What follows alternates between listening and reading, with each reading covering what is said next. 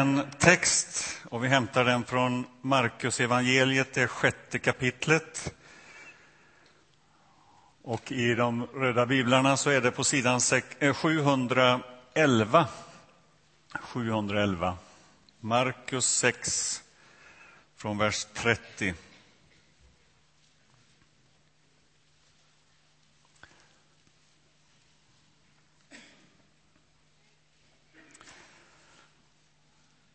Apostlarna samlades hos Jesus och berättade för honom om allt de hade gjort och vad de hade undervisat om.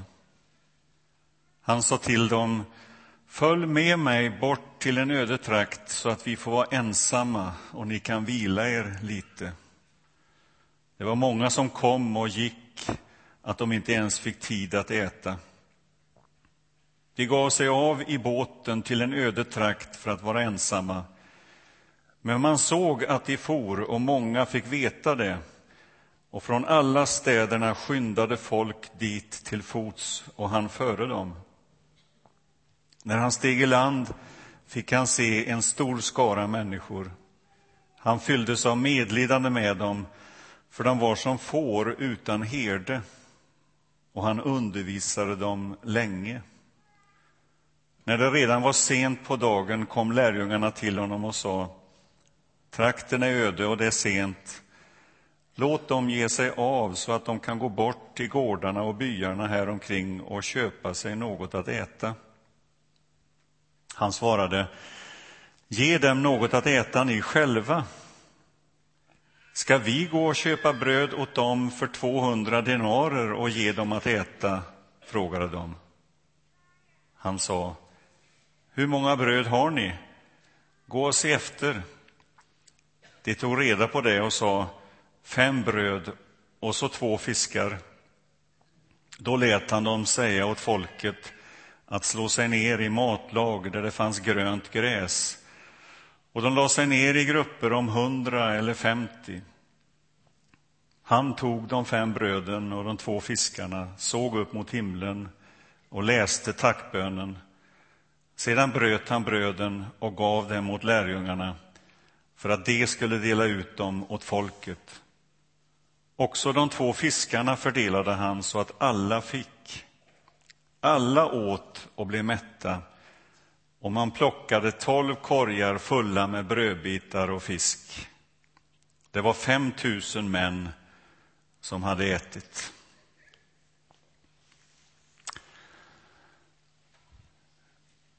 När man läser Markus evangeliet så Eh, anger Markus redan i början någon slags, vad ska vi kalla det för, någon slags eh, raster som han läser alltigenom. Alltså någon slags eh, introduktion.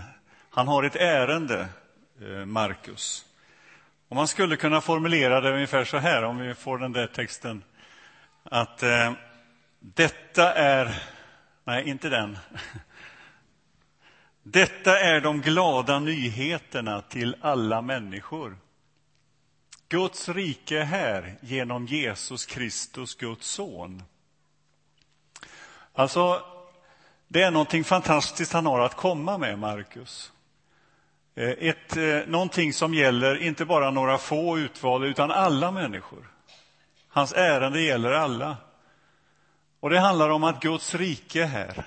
Alltså, Gud går att förstås, Guds vilja, vad han vill med varje människa och hur vi kan närma oss honom. Det handlar Guds rike om. Och det sker genom Jesus Kristus, Guds son.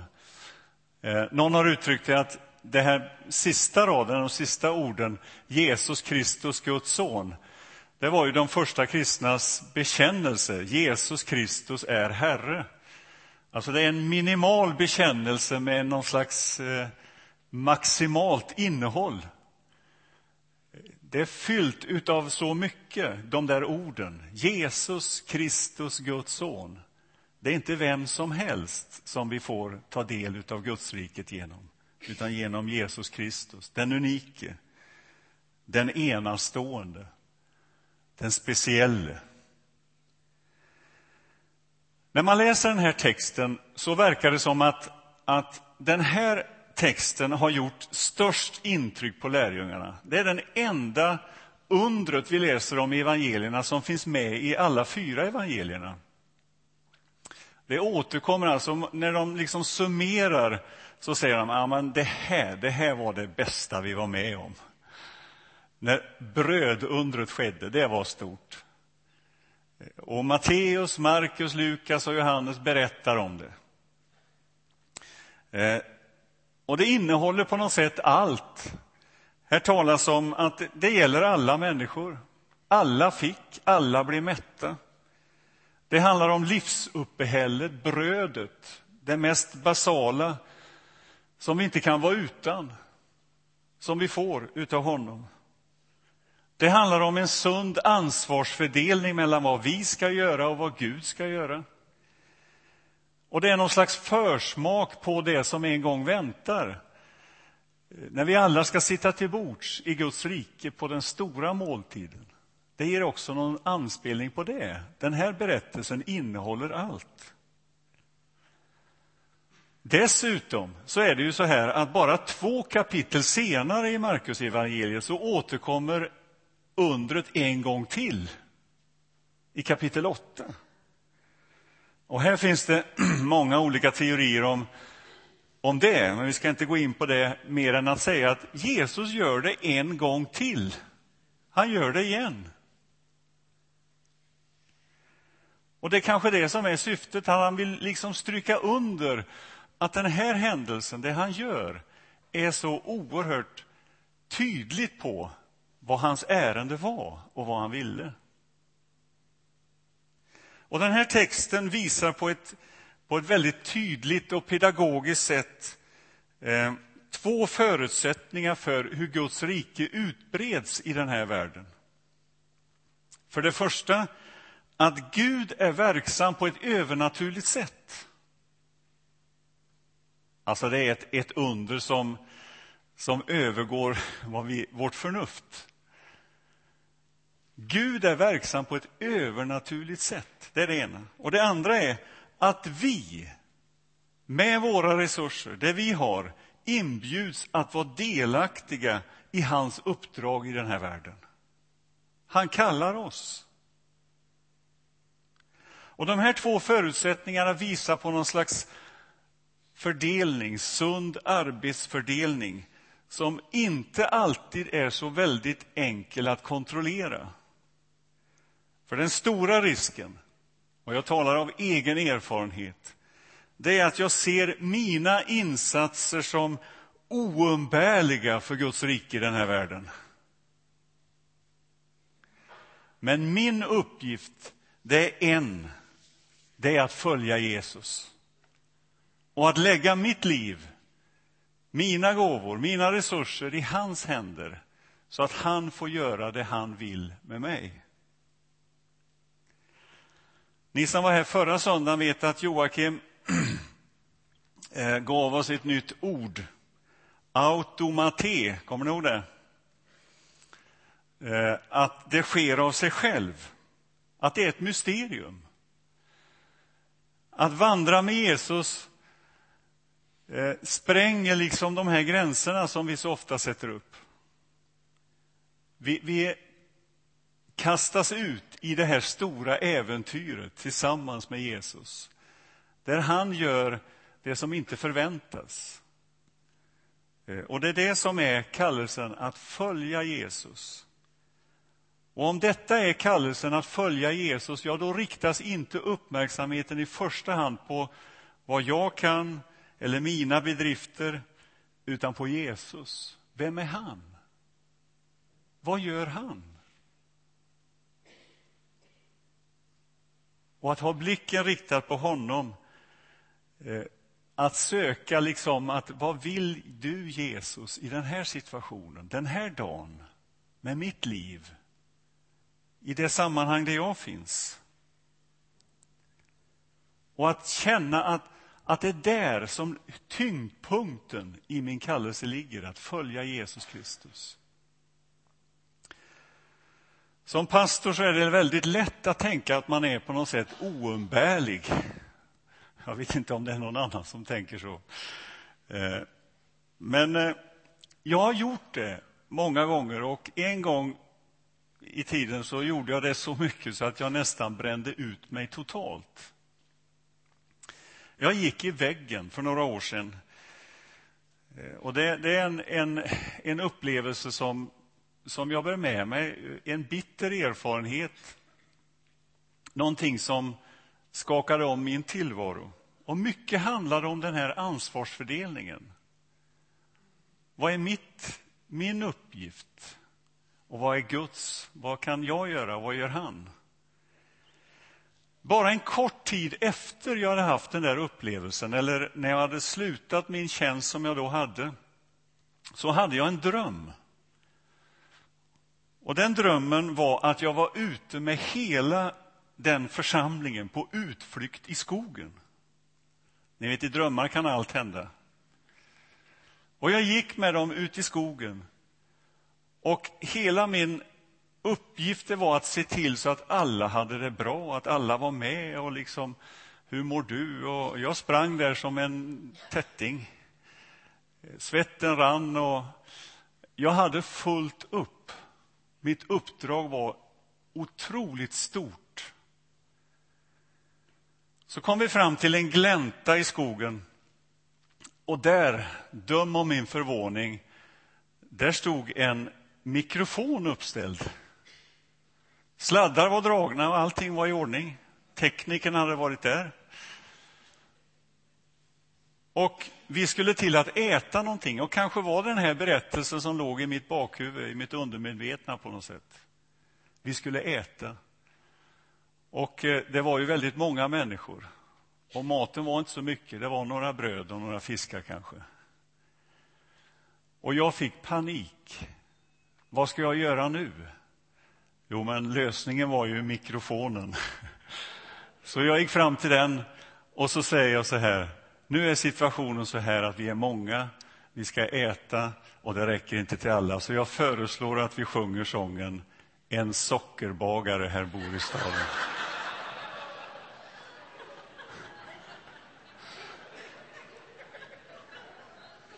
Och då vaknar jag med ett leende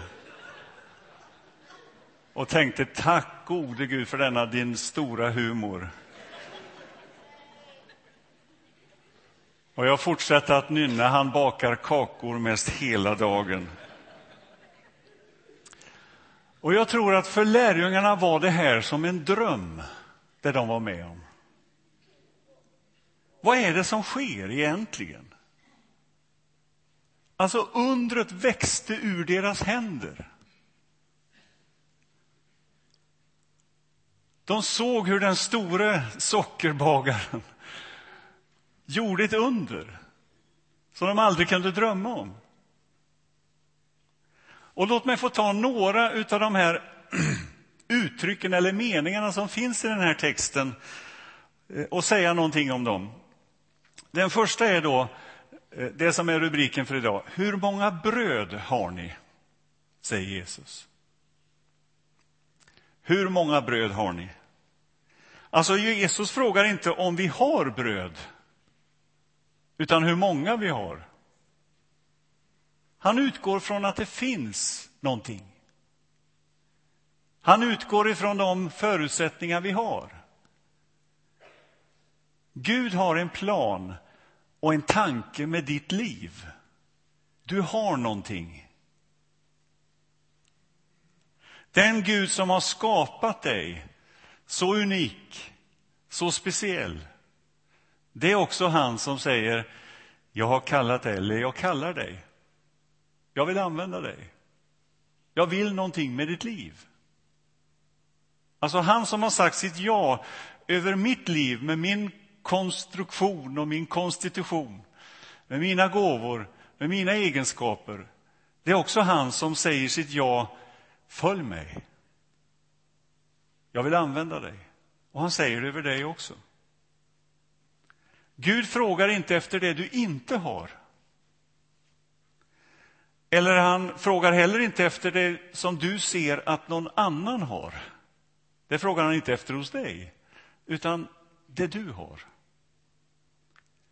Han kräver inte att andras bröd ska vara dina bröd eller ditt bröd.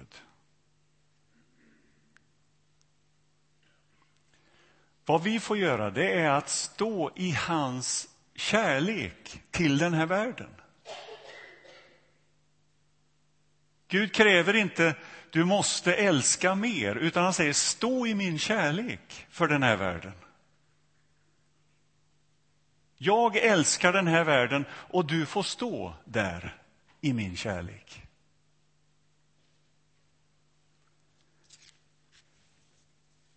Det andra uttrycket i den här texten, ge dem något att äta ni själva, säger Jesus.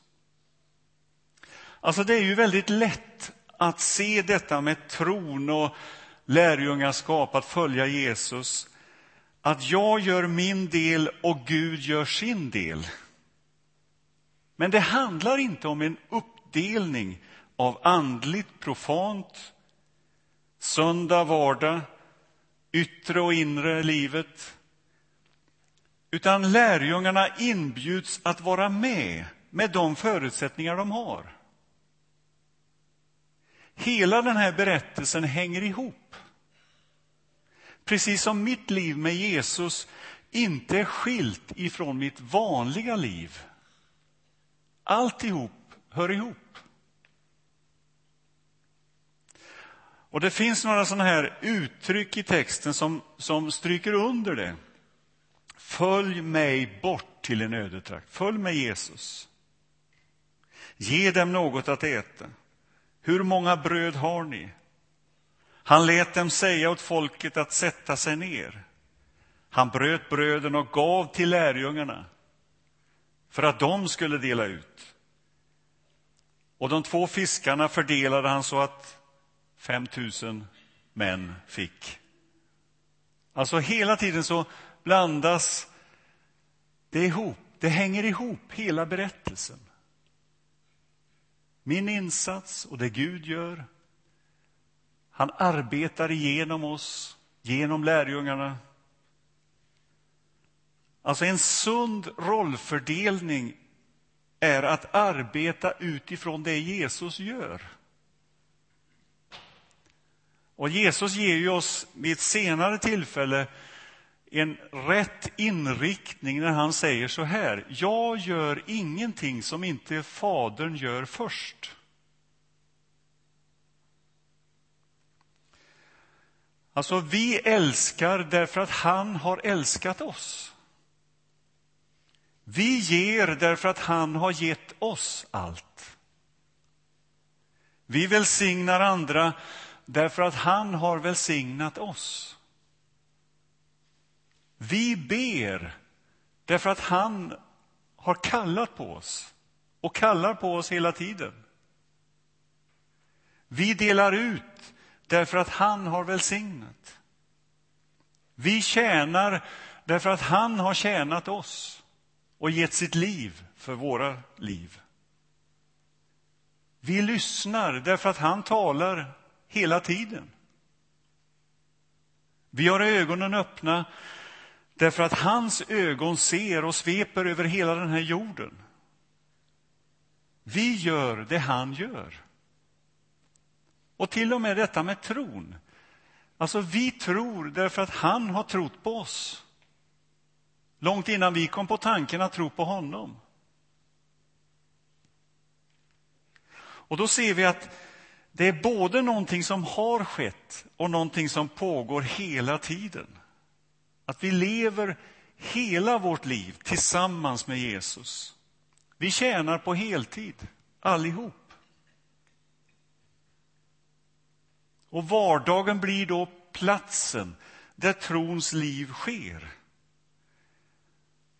Där kristet liv sker, där lärjungaskapet sker, där efterföljelsen sker. Alltså när Jesus säger ge dem något att äta ni själva, så, så säger han egentligen inte så här att ansträng er lite granna till, även om det naturligtvis hör ihop också. Utan betoningen ligger på att vi har något att komma med. Vi har något att ge. Vi har sett något. Vi har hört något. Vi har smakat på någonting som är väldigt gott. Och det är Guds riket.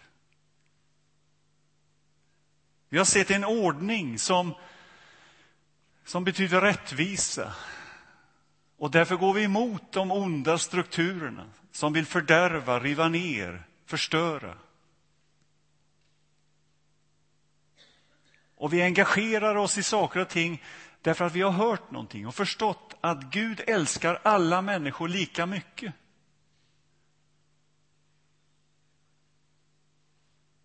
Ge dem något att äta ni själva. Och den sista meningen vi rycker ut i den här texten. Han tog de fem bröden och de två fiskarna. Alltså det kristna livet, mitt liv med Jesus, har då ett fönster på något sätt öppet åt det övernaturliga till. Ja, den dimensionen blandas på ett märkligt sätt i brödet vi bryter, i fiskarna vi delar ut, i mötena med våra medmänniskor, när vi tjänar, när vi går ut i den här världen i hans uppdrag. Och det sker så naturligt, det övernaturliga, att vi inte vet var det ena slutar och det andra tar vid.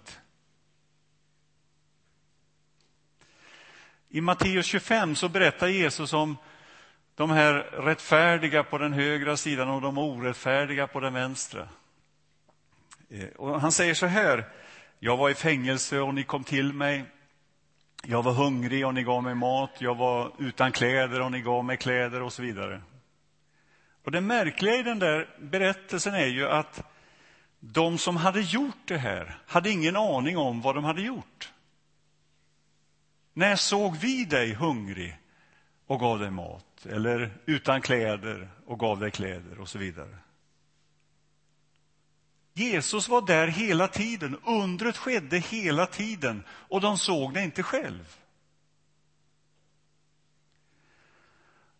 Och den här berättelsen som, som vi har läst idag och som återkommer två kapitel senare får ju på något sätt en, en, ett samtal, upplöses i ett samtal mellan Jesus och lärjungarna där han säger Förstår ni ingenting? De hade inte förstått det här med bröden och när han välsignade. Det övergick deras tankevärld. Förstår ni ingenting? Och vad Jesus säger med de orden är att jag är med er hela tiden. Jag verkar genom er på mitt sätt, på mitt övernaturliga sätt. Stå i det, räkna med det, lev i det. Så visst ser det otillräckligt ut, våra fem bröd och våra två fiskar. Men det är Jesu bekymmer, inte vårt. Och berättelsen vi läst ger oss en tydlig fingervisning om vad vi har att göra. Nämligen att lägga de resurser vi har i hans händer och vara redo att på hans befallning dela ut det vi får med förväntan på undret, med nyfikenhet på vad han vill göra. Så vi får komma som vi är. Och vi sjöng här, vi hörde sången, att vi får överlämna våra liv i hans händer och be honom välsigna det till andra. Och då ser vi att fokuset ligger på honom. Den store sockerbagaren. Lägg ditt liv hos honom. Låt han få göra undret. Med dig och genom dig. Amen. Tack Gud att du kallar oss att vara dina medarbetare i den här världen. Tack för det du gör just i detta ögonblick i vår stad, i vårt land, över hela världen. Och vi ber, som du har lärt oss att be, att ditt rike ska komma, att din vilja ska ske. Att ditt bröd ska få delas ut till hela den här världen, till alla människor. Tackar vi får stå i det uppdraget. Amen.